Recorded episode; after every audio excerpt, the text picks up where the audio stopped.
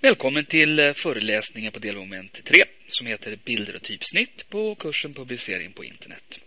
Du kan när som helst pausa programmet med pausknappen ner till vänster och starta igen med play-knappen. Till höger ser du rubrikerna på alla bilderna i denna föreläsning. Du kan alltid hoppa direkt till valfri bild genom att klicka på bildrubriken. Bilderna i detta program finns för utskrift i fronter i samma katalog som denna föreläsning ifall du vill använda dem för att anteckna i. Vi kommer att prata om bilder, den digitala bilden, där kommer vi att gå igenom grafisk färglära och den grafiska bildläran. Vi kommer att titta på bildimport, hur får jag in en bild i datorn? Bildbehandling, vad kan jag göra med bilden i datorn? Inte så mycket egentligen här, därför att du kommer att få jobba en hel del på labben med det här istället. Bildexport, hur får jag ut bilden ur datorn? Därefter kommer vi att hoppa över till typsnitt och där kommer jag att prata om typografisk formlära och slutligen typsnitt på internet. Men vi börjar med bilder. Den grafiska färgläran med lite färgteori. Det finns nio stycken upplevelsefärger. Ja, det här stämmer inte riktigt med hur jag fick lära mig när jag gick i skolan när jag var liten. För då sa nämligen våran fröken att det fanns sju färger. Nämligen de som fanns i regnbågen. Och det, sen fick vi allihopa rita regnbågen.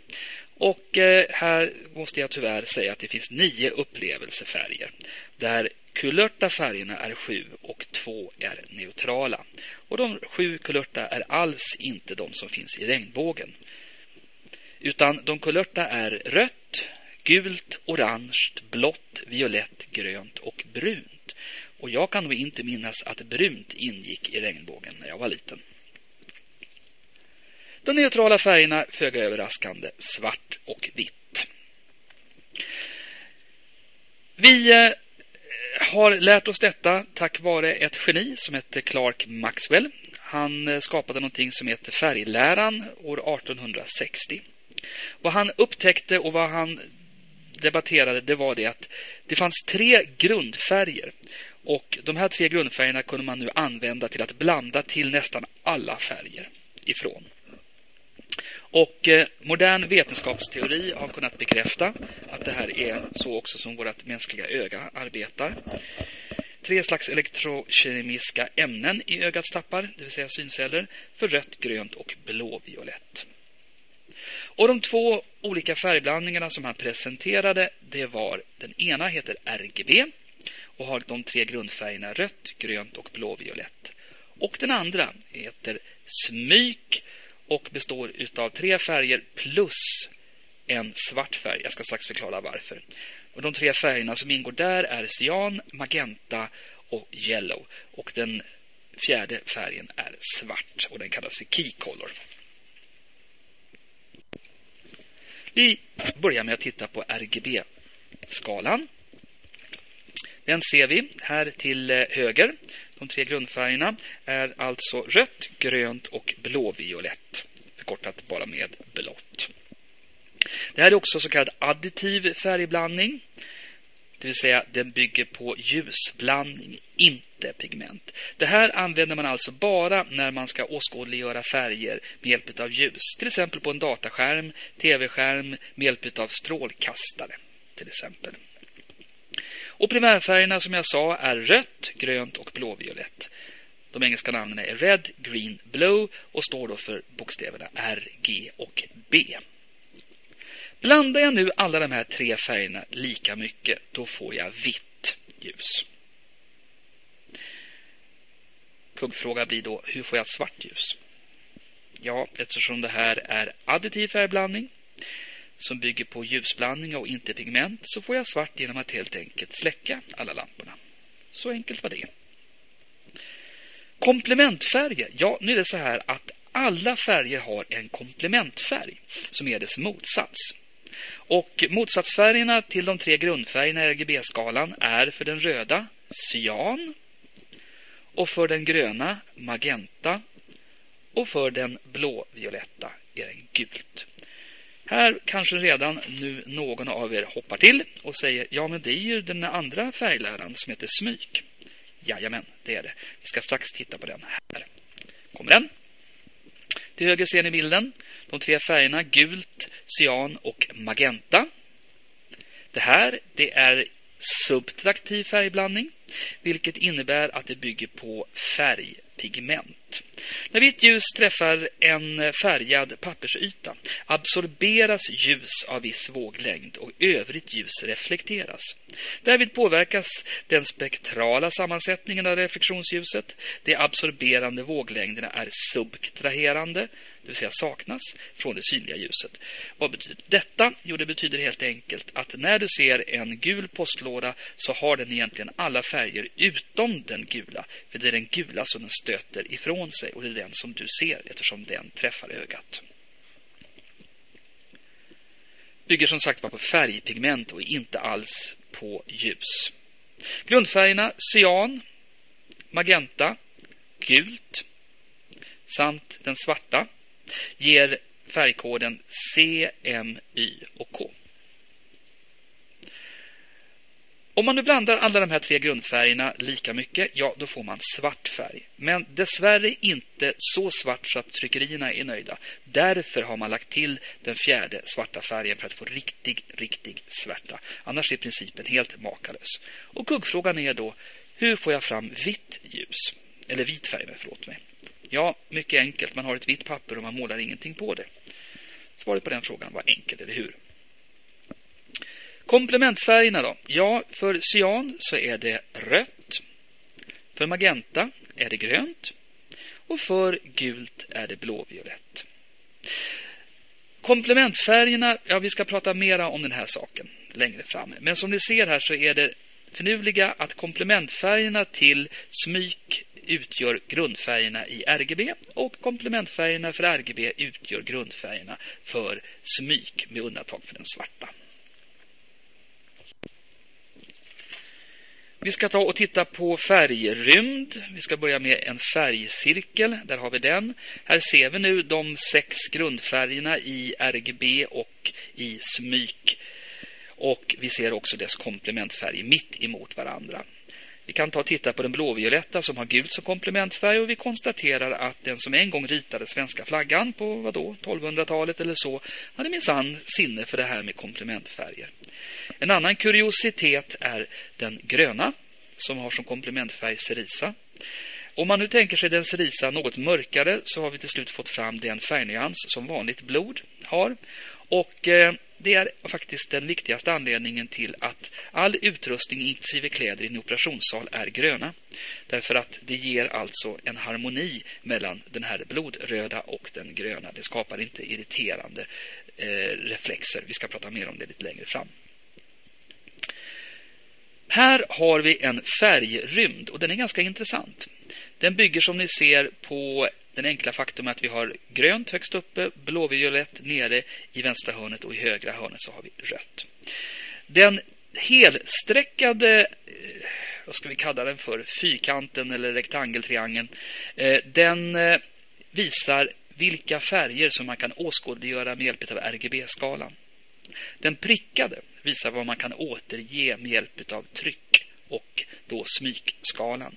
Som ni ser så kan man alltså inte åskådliggöra alla de färger som ögat uppfattar i naturen. Framförallt ser ni att det är en väldigt mycket grön nyans som är svår att åskådliggöra. Det här är en bra förklaring till hur det kommer sig att när ni står och tittar på en skir vårskog med massa olika gröna nyanser, ni tar fram kameran, ni tar en tjusig bild, ni tar fram eh, bilden sen i er dator och tittar på den och blir besvikna för allt är bara som en grön vägg. RGB-skalan förmådde alltså inte att visa alla de här olika gröna nyanserna.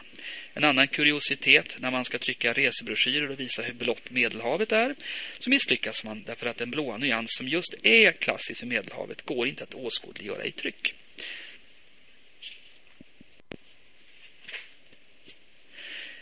Vi ska ta och prata lite grann om webbsäkra färger. För det är nämligen på följande vis att eh, av alla de färger som vi använder på internet så är det egentligen bara 217 av dessa färger som ser exakt likadana ut både i en Mac och i en PC. Och Det här beror naturligtvis på att det en gång i tiden var en stor kommersiell strid mellan Microsoft och och eh, Apple. Och eh, det sägs lite elakt att de gjorde varsin färgskala i sina webbläsare för sina, för, för sina datorer. Och eh, de, de använde sig av det de färger som, alltså de gemensamma färgerna är de färger som ingår i både Microsofts och Apples loggor. Jag vet inte om det här är sant, men det är en ganska lustig detalj. Nåväl, det här är bara viktigt om ni vill vara helt säkra på att åskådliggöra rätt färg på skärmen. Då får ni bara använda de här 217 så kallade webbsäkra färgerna. Och hur känner man igen en webbsäker färg? Ja, den består av följande hexadecimala tecken. Nollan, trean, sexan, nian, C och F. Där C står för talet 12 och F står för talet 15. De här de uppträder alltid parvis, till exempel FF0066. Och eh, jag kan också berätta det att eh, i det här fallet eh, på den hexadecimala kodsträngen för färg så är de två första teckenparet FF, det anger då mängden röd färg. Den andra teckenparet 00 anger mängden grön färg och det tredje teckenparet 66 anger mängden blå färg. Ju högre det hexadecimala talet är för till exempel den blåa eller den, någon av de här tre färgerna, desto mer av den färgen ingår det i den här färgblandningen. Så att om vi ska analysera det här så ser vi att den här färgen, FF0066, den innehåller väldigt mycket utav den eh, röda färgen medan den innehåller ingenting av den gröna färgen och hälften ungefär utav den blåa färgen. Då får man fram den här cerisartade eller mörkrosa färgen som ni ser här, som själva texten är skriven med.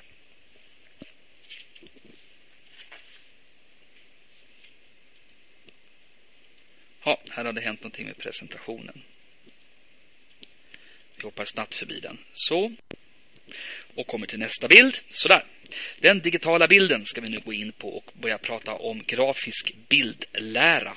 Och då är det på följande vis att det finns kan man säga två olika bildformat som vi använder oss utav i den digitala världen. Och den ena det är den vanliga punktuppbyggda bilden. Det är den typ av bild som du alltid ser på internet i form av till exempel JPEG eller GIF-bilder eller något liknande. Den andra det är den vektorsuppbyggda bilden och det är en bild som är uppbyggd på ett annorlunda sätt och kan normalt sett inte visas i internet i en webbläsare om man inte använder någon speciell plugin. Exempel på vektorsuppbyggda bilder är sånt som du får fram när du gör eh, animationer i Flash. Vi ska också prata om det här med lager, hur en professionell bild är uppbyggd. Men vi börjar med den punktuppbyggda bilden. Och här har vi ett exempel på en sådan, en liten boll. Bilden, ja, bilder består av ett antal pixlar. Punktuppbyggda bilder består av ett antal pixlar, ett antal punkter. Bild, Bilderna kan till exempel vara fotografier som är inlästa med en bildläsare, det vill säga skanner, eller fotograferade med en digital kamera.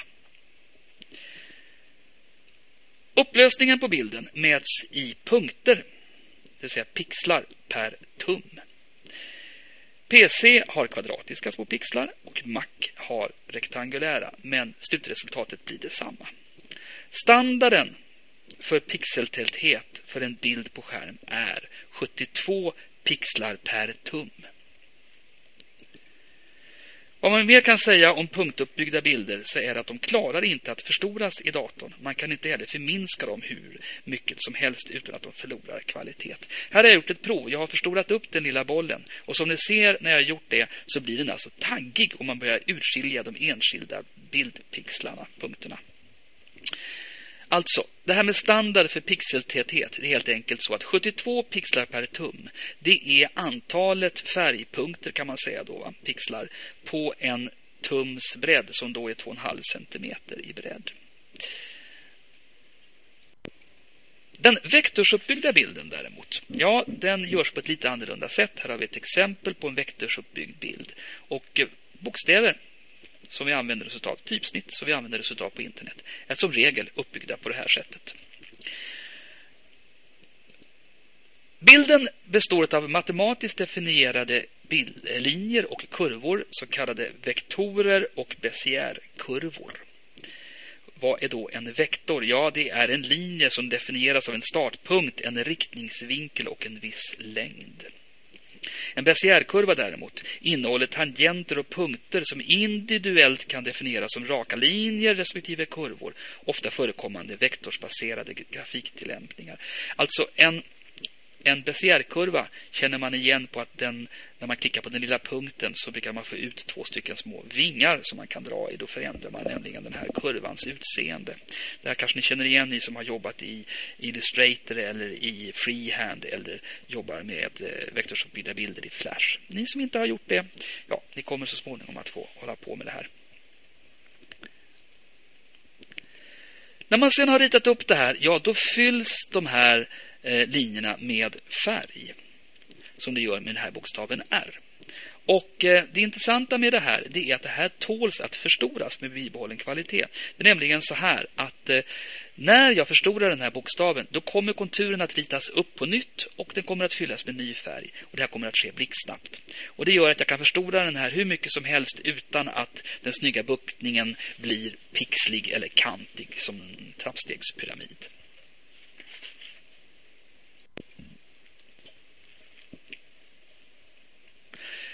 Ett eh, problem som är vanligt med punktuppbyggda bilder är att de ser taggiga ut när man förstorar dem.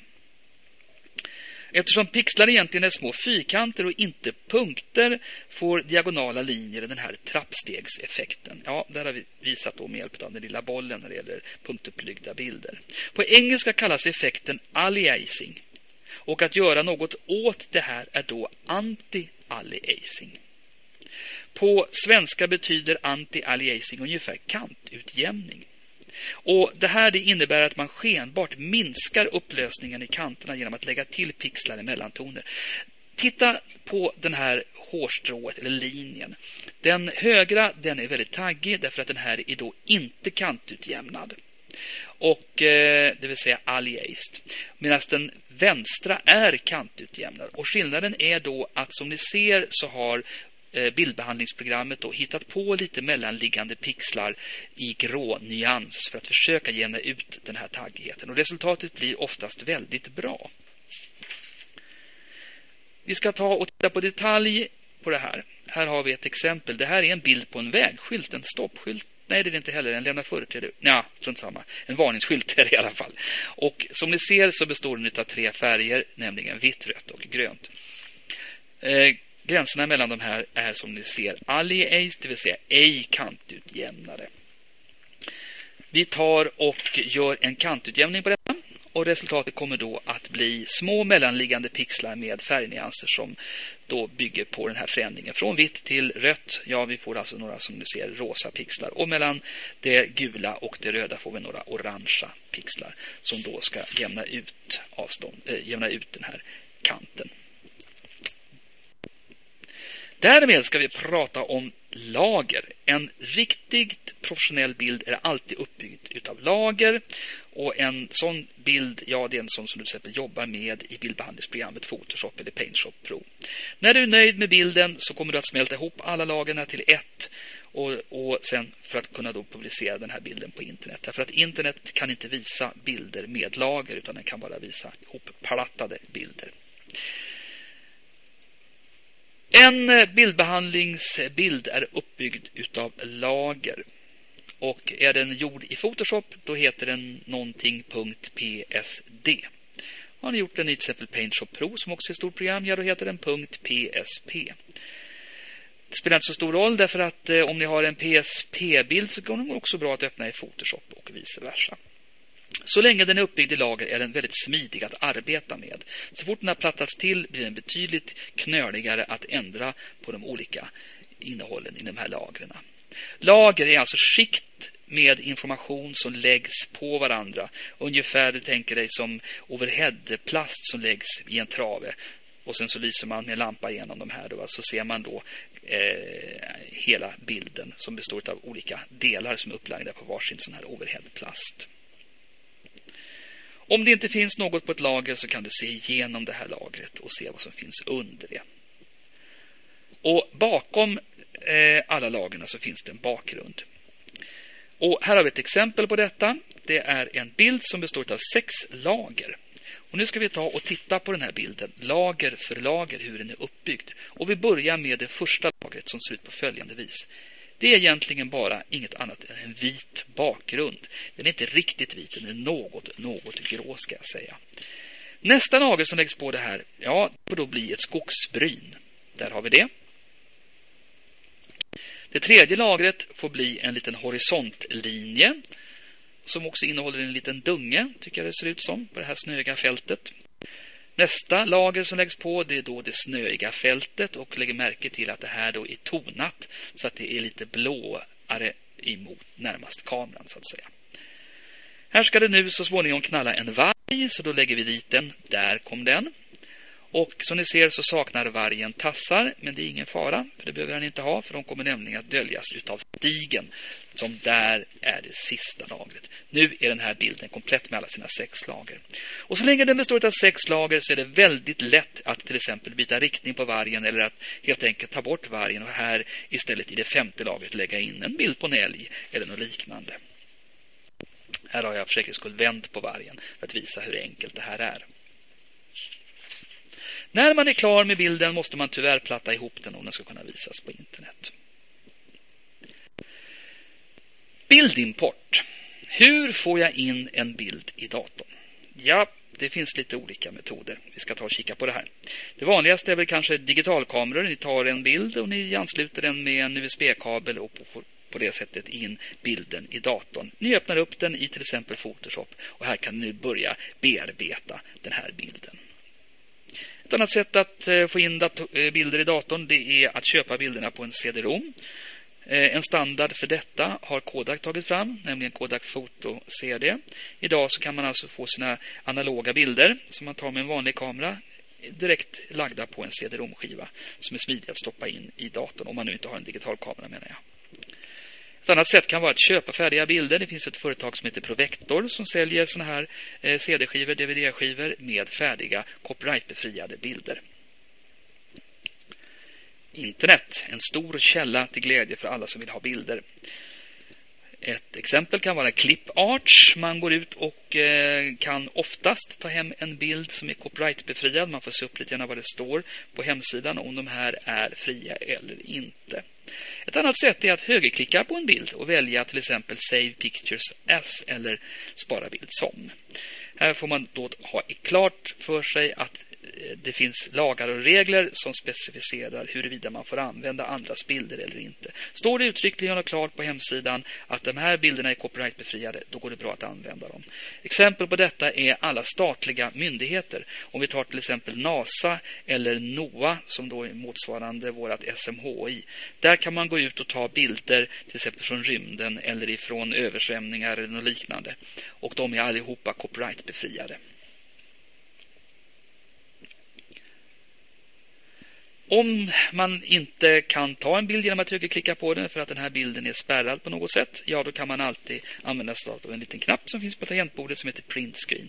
Trycker man på den så tas det en hel bilddump utav hela skärmen. Och den får man sedan i sin tur ta in i till exempel Photoshop eller PaintShop Pro och sedan skära loss just den bild man vill ha. Man kan också importera bilder från ritprogram och eh, ja, jag tar med Adobe Photoshop för det går att rita i det. Men det är egentligen inget riktigt ritprogram. Men det går att rita lite enklare saker i det. Riktigt professionella ritprogram kan vara Adobe Illustrator eller Macromedia Freehand. Och slutligen, vi kan skanna in våra bilder från till exempel böcker. Och eh, jag ska ta och eh, gå lite djupare på det här med skanning. Här har vi ett exempel på hur det kan se ut. Till vänster en skanner, i mitten en dator och till höger en skrivare. In med bilden, behandla den i datorn och skriv ut den på fotopapper. Mycket tjusigt. Det finns två typer av skannrar, nämligen trumskannen som är för professionellt bruk och planskannen som de flesta av oss har. En planskanner kallas också för flatbäddsskanner. En sån där kan man till exempel köpa på någon sån här Onoff eller Elgiganten Elgigant eller någonting i den stilen för en mindre summa. En trumskanner är betydligt dyrare. En standard flatbäddsskanner Ja, den arbetar med 24 bitars färgomfång. Det ger miljontals färger och räcker alldeles utmärkt. Närmare bestämt 16 777 216 färger. Här, för er som är intresserade, så visas det hur man får fram 24 bitar. Man tar helt enkelt 2 upphöjt till 8 multiplicerat med 2 upphöjt till 8 multiplicerat med 2 upphöjt till 8. 2 upphöjt till 8 är 256 och det blir alltså 256 röda gånger 256 gröna gånger 256 röda färger som kan, eh, blå förlåt mig, som kan blandas. Och när man gör detta så får man då 16 777 216 färgnyanser. Det kanske förekommer skannrar som kan jobba med 34, 32-bitars eller 64-bitars färgomfång. Men det är inget säljargument eftersom det mänskliga ögat ändå inte förmår att uppfatta mycket mer färger. För att eh, vi ska förstå mera om hur det går till med bilder och skanning så ska vi ta fram en liten ordlista. Och det första ordet vi ska lära oss här det är pixel. Jag har tidigare nämnt det när vi pratade om punktuppbyggda bilder. En pixel är minsta enheten i en digitaliserad bild. En liten, liten fyrkantig ruta. Och där är världen så vis så att PC har kvadratiska och Mac har rektangulära små pixlar. Och det gör att det är svårt eller omöjligt att placera bilder exakt på en hemsida. Det är en av anledningarna till detta. Resultatet blir i alla fall detsamma. Nästa ord i ordlistan är PPI. Där pratar vi om tätheten i bilden.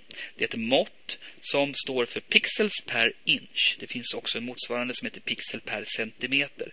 Det ger ett något annorlunda mått, men de här är översättningsbara med varandra. Men här jobbar vi bara med PPI, det vill säga pixlar per tum. Det är alltså antalet pixelpunkter per tum. Och eh, en standardstorlek för bilder som ska ut på internet är 72 pixlar per tum. Har ni en tätare bild, kanske 150, kanske 200-300 pixlar per tum. Ja, skärmen förmår inte att visa en sån tät bild på ett korrekt sätt utan den gör helt enkelt bara bilden större. Och då måste ni göra den mindre. Och det kan man göra i vanlig HTML genom att sätta en width och height till mindre. Vilket är väldigt dumt eftersom bilden faktiskt är väldigt tung med så mycket information. Nej, då är det bättre att ta in bilden i ett bildbehandlingsprogram och banta ner den till 72 pixlar per tum. Ibland i instruktionsböcker till skannrar och så vidare så står det DPI. Ja, det måttet står för dots per inch och är antalet utskriftspunkter per tum. Det är ett mått som är fullt jämförbart med PPI och ibland så blandas de här två ihop. Så att står det DPI eller PPI så är det att betrakta som samma värde. Däremot icke LPI som står för lines per inch. Och det avser utskriftsupplösning, avståndet mellan rasterpunkternas centrum i en bild. Inte fullt lika vanligt. När man skannar så är det viktigt att komma ihåg det att bilden behöver inte vara tätare än 72 pixlar per tum om den ska visas på en skärm. Ska den däremot skrivas ut, ja då vill nog tryckeriet att den ska vara på 300 pixlar per tum. Skriver ni ut på en vanlig färgskrivare hemma eller på en laserskrivare, bläckståleskrivare så kan ni pröva att sänka det här värdet till 250, kanske till och med 225 pixlar per tum PPI. Men eh, ja, det är en bra riktlinje att hålla sig till, tycker jag, den här 300-värdet.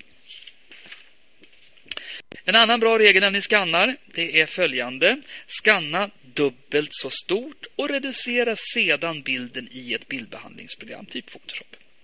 Det finns många fördelar. Fördel nummer ett, det smälter samman färgerna bättre.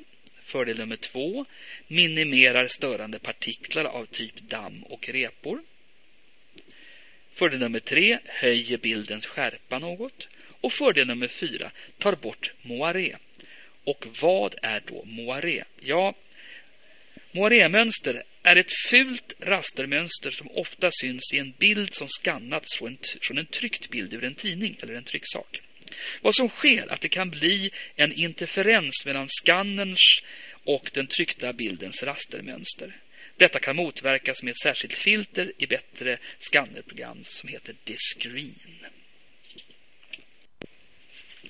ska ta och titta lite närmare på det här med moiré. Här har vi ett exempel nu på en skannad bild som är rastrerad. Alla bilder som är tryckta är i stort sett allihopa rastrerade på följande sätt. För det är ett enkelt sätt att kunna få fram grånyanser eller ljusrött och ljusblått. Så är det att man helt enkelt minskar på punkternas eh, storlek. Eh, färgfoton däremot, vanliga analoga färgfoton, är inte alls uppbyggda på det här sättet. Utan de är, eh, där finns det en emulsion istället. Ni ser på den lilla bilden upp, infälld uppe i vänster hörn hur originalbilden ser ut och därefter sen hur den ser ut starkt förstorad. De här rasterpunkterna ser ni, de bildar alltså ett mönster. Här kommer det som jag sa tidigare. Tryckta bilder är uppdelade i ett antal punkter i rastrering. Och som ni ser så ser ni de här svarta punkterna som i ett rutmönster. Och det är alldeles riktigt därför att svarta punkter lägger man i 45 graders vinkel. När man trycker så använder man ju smyk. Och smyk det är cyan, magenta, gult plus svart. Och de här får då lite olika vinklar för att de inte ska hamna på varandra. Gult trycker man med eh, vinkelgrad 0, rastervinkel 0. Eh, magenta 15 grader och cyan 75 grader.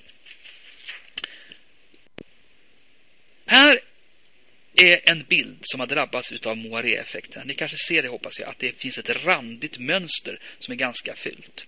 Det löper i cirka, ja, vad kan det vara för någonting? Kan det vara eh, 100 eh, grader eller någonting i den stilen. Sluttar lite neråt i himlen. Medan om ni tittar ungefär i höjd med, eh, med kjolarna på eh, mamman och, eller kvinnan och barnet så ser ni att den sluttar något uppåt.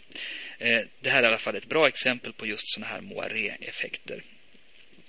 Det vill säga, moiré-mönster, interferens mellan skannerns pixlar och den tryckta bildens rastermönster.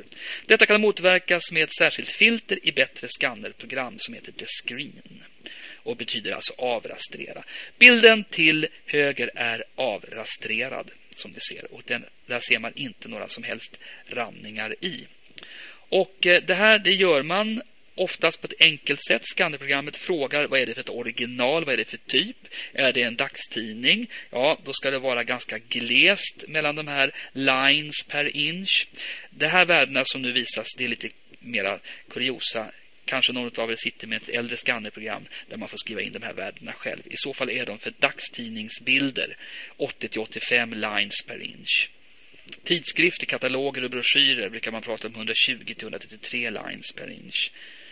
Medan fina konsttryck i dyrbarare böcker är täta och därför ligger på en 175-200 lines per inch. Men det här med LPI brukar man inte behöva bekymra sig om utan man får snarast bocka för i skannerprogrammet. Är det här ett foto? Är det en dagstidning? Är det en tidskrift? Eller vad är det för något? Så sköts det hela automatiskt. En god tumregel som jag sa tidigare är att skanna med dubbelt så hög kvalitet som önskat slutresultat. Det vill säga, ska bilden publiceras för en skärm med 72 pixlar per tum, ja, då skannar ni in den med det dubbla cirka, det vill säga 150 ppi. Ska den skrivas ut? Ja, skanna då in den med 600 ppi så att slutresultatet blir 300 ppi. Här ska ni få en formel utav mig. Är önskad bildstorlek större än originalets höjs? Eh, förlåt mig. Är önskad bildstorlek större än originalet höjs PPI enligt följande formel. Önskad bildstorlek i millimeter. Mät någon utav eh, höjd eller bredd på bilden. Notera svaret i millimeter. Därefter multiplicera det med antalet PPI, till exempel 72 pixlar per tum, alltså 72. Sen tar ni faktor 2 för att få det här dubbelt så stort. Slutligen, ni dividerar det här med originalets storlek i millimeter. Och har ni mätt bredden, ja då ska ni mäta bredden på originalets storlek här också.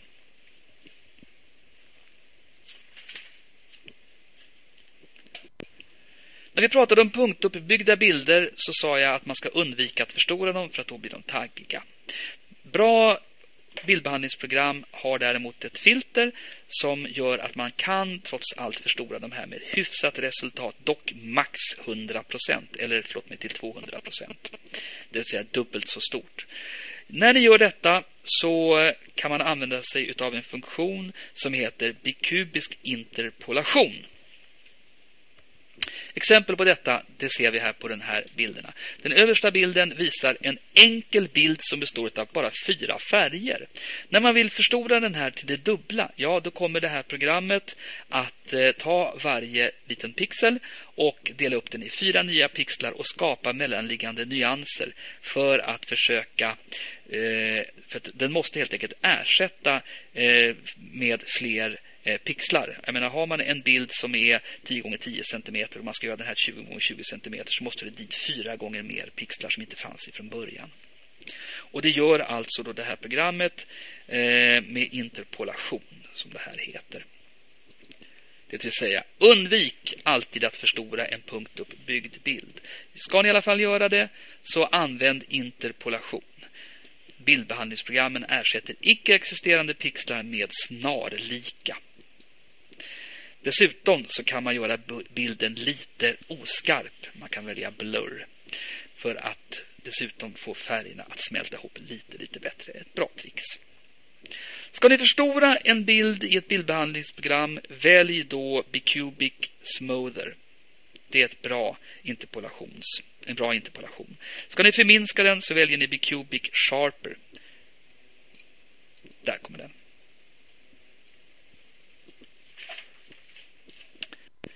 Därmed ska vi gå över och titta på vad kan jag göra med bilden i datorn.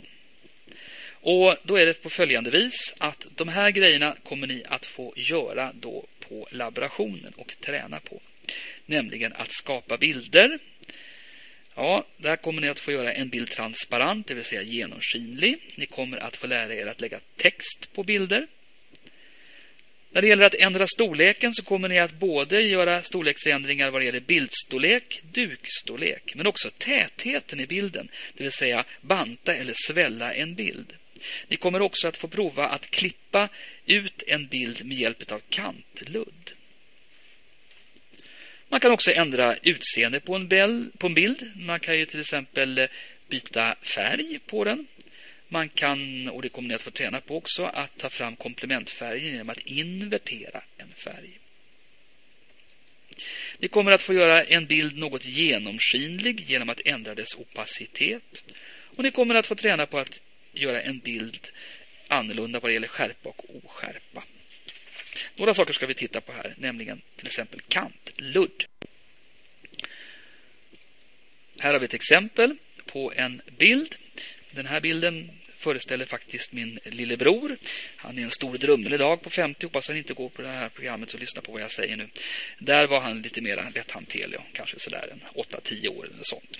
Eh, vilket fall som helst så vill jag gärna ha ut det här ansiktet nu ur det här fotot. Och då har jag gjort så att jag har klippt ut det med hjälp av kantludd. Och då har jag fått fram den här effekten som ni ser.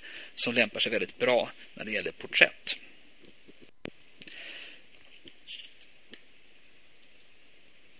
Kantutjämning. Vi har nämnt det tidigare för att förhindra att det blir pixliga kanter runt omkring saker och ting. Ja, så ska man då kunna välja om man vill ha det här kantutjämnat, det vill säga aliased, eller icke kantutjämnat, det vill säga anti-aliased. Kantutjämning, anti-aliased, ser vi exempel på på den här bilden på den här gitarren med svart bakgrund.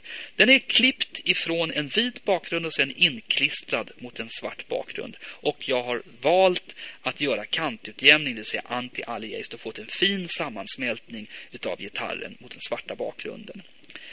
I det här exemplet däremot så har jag valt att göra icke-kantutjämning, det vill säga aliased, och har fått med då som ni ser en vit kant runt omkring gitarren, vilket gör att det inte blir lika snyggt. Så när man klipper och klistrar bilder för att göra montage bör man alltid välja anti-aliased, det vill säga kantutjämnade bilder. Ett annat bra Eh, användningsområde för eh, till exempel Photoshop det är att man kan återställa blekta gamla färgfotografier på ett hyfsat sätt faktiskt. Ta en gammal bild tagen på 50-60-talet, skanna in den här i till exempel Photoshop. Här har vi ett exempel. Den här eh, flickan är idag 53 år gammal och hon är på bild ungefär 10 år. Den är alltså tagen 65. Och vad som har hänt är att den har blekts väldigt mycket. Vi tar och skannar in den. Vi eh, arbetade med den i Photoshop och på ett enkelt sätt så korrigerade vi färgen så att resultatet efteråt blev följande. Det brukar det vara så att just den här koftan har vi sparat så att därför vet vi att det blev rätt bildnyans på den. Vad som har hänt det är alltså att när en bild bleks så brukar den röda färgen vara den som sist försvinner. Vad vi nu har gjort är att vi har återställt vitbalansen därmed kunnat reproducera både den blåa i hennes ögon och den gröna i hennes eh, blus.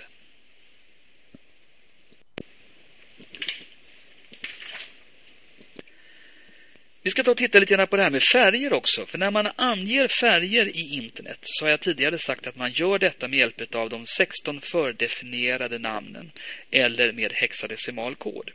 Här ser ni nu exempel på de 16 färger som finns fördefinierade. Nu kanske någon invänder och säger så att ja, men det finns ju en massa olika fördefinierade namn. Man kan prova till exempel att skriva light brown eller man kan prova med Indian red och få fram olika färgnyanser. Ja, det är riktigt, men det är inte godkänd HTML, XHTML att göra så. Däremot så kan det vara så att bild eh, förlåt mig, webbläsaren tolkar det här på ett korrekt sätt. Men det vet vi inte. För vi vet inte vad användaren där ute på internet använder för en webbläsare. Det kan ju vara en mobiltelefon till exempel. som saknar de här finesserna. Så tänk alltid på att bara skriva ren, godkänd HTML, XHTML-kod. Och då får man bara använda de här 16 färgerna vid namn. Annars får man helt enkelt använda den hexadecimala koden. Black, grey, maroon, purple, navy, teal, green, blue, silver, white, red, yellow, lime, olive och fuchsia tror jag man uttalar det här. Och aqua. Färger i ett webbdokument anges på två sätt. Ja, det har jag sagt. Med följande 16 namn eller med en hexadecimalkod. När man gör en hexadecimalkod, glöm inte brädkodstecknet först eller fyrkantstecknet. Vi ska ta och titta på det här med inverterade färger. Och eh, då är det på följande vis. Att man kan använda den hexadecimala koden på ett enkelt sätt för att räkna fram vad det är för en komplementfärg som döljer sig bakom den hexadecimala koden. Och det ska jag ta och visa er hur man gör nu. Hexadecimal beräkning utav inverterad färg. Vi har ett färgprov, nämligen denna. Det är alltså en grön nyans detta som då har den hexadecimala koden 66CC33. Vi ritar en matris, men innan vi gör det så ska vi plocka fram översättningstabellen för de hexadecimala tecknen också. Och vi ser här att vi arbetar med tecknen 0 till och med bokstaven F för att åskådliggöra siffrorna 0 till och med 15. Därefter ritar vi en matris som består av tre rader och sex kolumner. Och I översta raden så skriver vi in hexadecimala talet för 15. FF, FF, FF. De två första F står för den röda färgen. De två andra, de mittersta F står för den gröna färgen och de två sista F står för den blåa färgen. Jag översätter direkt F till talet 15. Annars är det lite svårt att räkna med. Därefter i rad 2 skriver jag nu in den hexadecimala kodens alla sex tecken. Det vill säga 6, 6, C, C, 3, 3. Och jag översätter C till talet 12.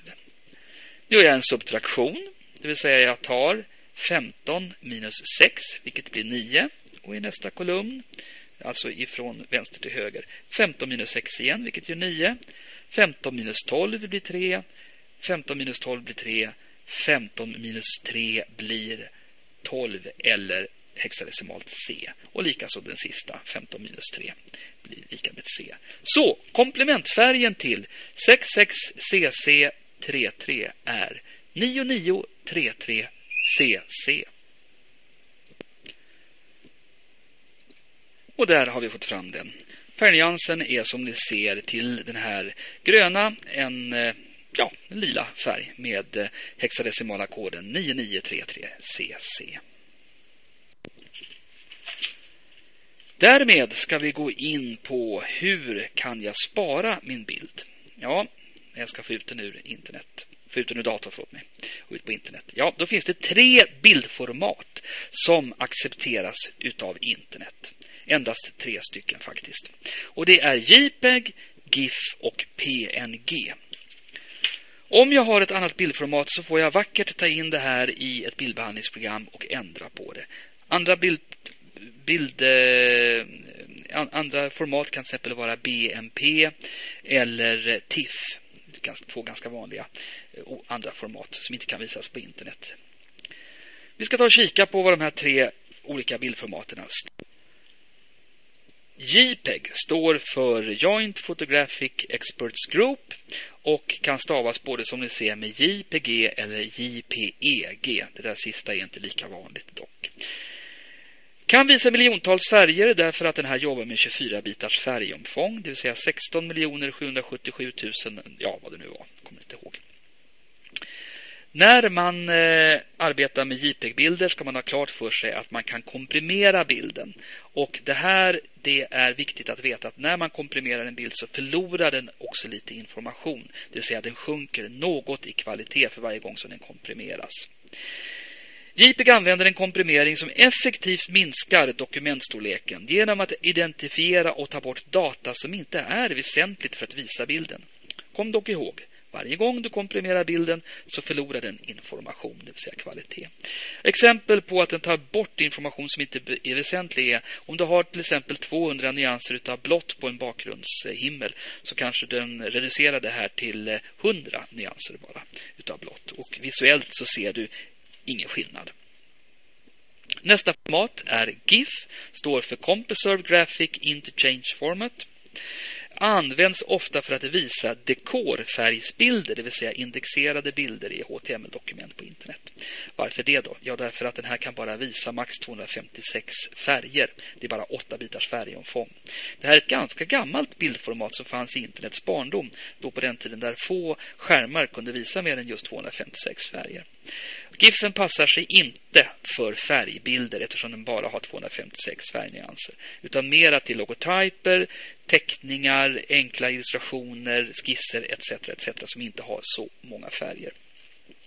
Liksom eh, JPEG-bilden så komprimerar den på ett effektivt sätt som gör att det blir en låg vikt på bilden.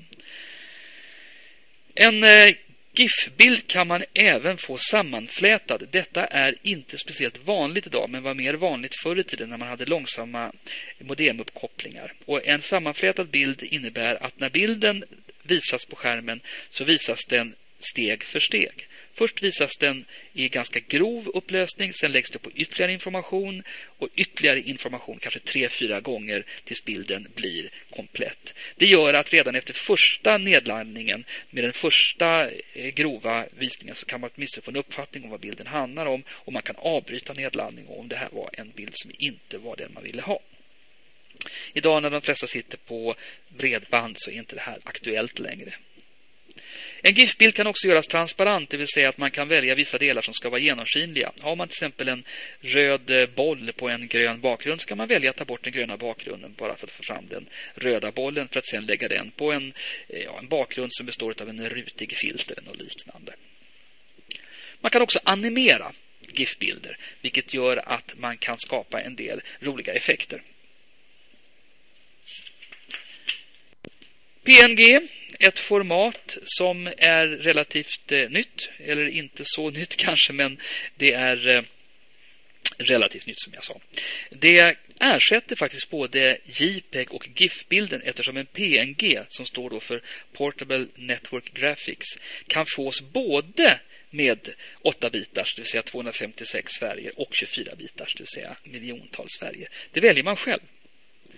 Den komprimerar, men den gör en förlustfri komprimering, vilket innebär att man förlorar egentligen ingen information, även om bilden går ner i vikt. Man kan också, liksom GIF-bilden, få den här sammanflätad. Och man kan liksom GIF-bilden också få den genomskinlig. Nu är det så att genomskinliga PNG-bilder visas inte utav alla webbläsare. Eh, Explorer 7 och senaste utav Firefox gör det dock, men inte de äldre versionerna. Därför ska man fortfarande använda transparent PNG med försiktighet.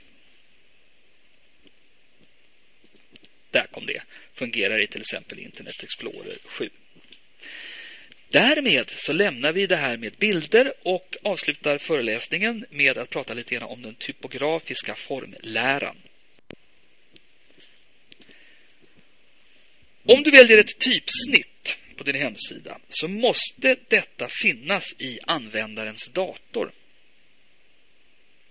Det här är väldigt viktigt. Om du har ett speciellt tjusigt typsnitt som du har hämtat på internet, till exempel för att kunna visa alvrunor ni vet, ifrån Sagan om ringen, så är det inte alls säkert att den som tittar på det här på internet har samma typsnitt i sin dator.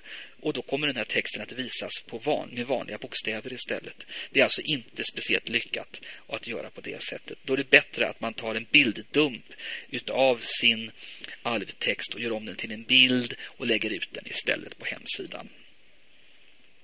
Om du väljer en typsnittsfamilj så väljer webbläsaren ett typsnitt från denna familj beroende på vad som finns installerat i användarens dator. Det är mycket smartare och då är det på följande vis att de tre vanligaste typsnittsfamiljerna ska vi ta och titta på här. Det finns dock fler men vi lämnar dem därhän. Den första familjen är familjen serif. Familjen serif består av bokstäver med seriffer. Och vad är en seriff? för någonting? Jo, det är ett litet tvärstreck i slutet på staplarna i bokstavskonstruktionerna. Alltså till exempel vi tar bokstaven I så har den alltså små klackar upp till och ner till. Väldigt tjusigt men inte lika lyckat när man ska åskådliggöra liten text på en skärm faktiskt. Nästa familj är sans serif. Och sans serif är då text som inte har såna här små seriffer utan är mera jämntjock och lämpar sig bra för liten text på skärm. Slutligen familjen mono eller monotype är bokstäver med jämnt teckenavstånd, det vill säga gammal skrivmaskinsstil. Där var nämligen alla typerna som slogs lika breda oavsett om det var bokstaven M eller om det var bokstaven I. Vi ska ta och titta lite närmare på dem och vi börjar med familjen serif, det vill säga bokstäver med sådana här seriffer. Exempel på sådana kan vara de här, Garamond, Times New Roman, är de två vanligaste. Och titta här nu på till exempel T i Times New Roman så ser ni klackarna som jag pratade om både i foten och i yttersta ändarna på T, den horisontella linjen. Bokstaven I i Times till exempel har också klackar som börjar och slutar. S är ojämnt tjockt. Bokstaven E likaså ser ni är ojämnt tjockt. S har dessutom fått tjusiga klackar i början och slutet. Ett O i Garamond är också ojämnt tjockt. Det finns faktiskt också siffror med seriffer och även med sansriffer Dessutom. Det här typsnittet det passar bäst för tryckt text. Text för bildskärm däremot, ja, då ska man välja familjen sans serif. Och exempel på sådana kan vara areal och Verdana. Och tittar du här nu på bokstaven, bokstaven A så ser du att den är för det första jämntjock, den saknar sådana här klackar. Och det är just de här klackarna som kan upplevas som jobbiga för ögat när vi har en så låg upplösning som vi har på en skärm, nämligen med 72 pixlar per tum. Det vill säga, denna familj passar bäst för text på bildskärm. Monospace. Ja, bokstäver med jämnt teckenavstånd. Eh, exempel på en sådan text kan vara Courier New. Och om vi detaljgranskar den här så ser vi att i har med hjälp av sin serif, serif förlåt, blivit lika bred som W i New till exempel eller C i Courier. När använder man då en sån här typ av typsnitt? Ja, den använder du till exempel till formulär. Därför att då vet du hur pass brett formuläret ska göras om du nu ska tillåta till exempel 80 tecken som är ganska lämpligt att välja om det nu ska gälla en, en, ett för- och ett efternamn med alla mellannamn eller något liknande. Typsnitt passar bäst för text i formulär på internet. Mm. Kan man då styra det här när man gör en tjusig webbsida? Ja, det kan man göra. Men man bör inte gå in på typsnitterna, enskilda typsnitt, utan man bör nöja sig med att bestämma sig för att vilken familj vill jag att min text ska visas med. Och Vi tar tre textexempel här. Att vara eller inte vara, som ni ser, högst upp visas den med serifer. Och då skriver man på följande vis. Man skriver font face är lika med serif.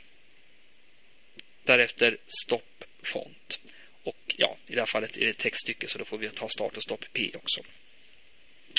Då kommer den här texten att visas med texttypsnitt med seriffer. och mottagarens dator väljer själv om det ska vara Times New Roman eller Garamond eller bara Times eller vad det kan vara för någonting.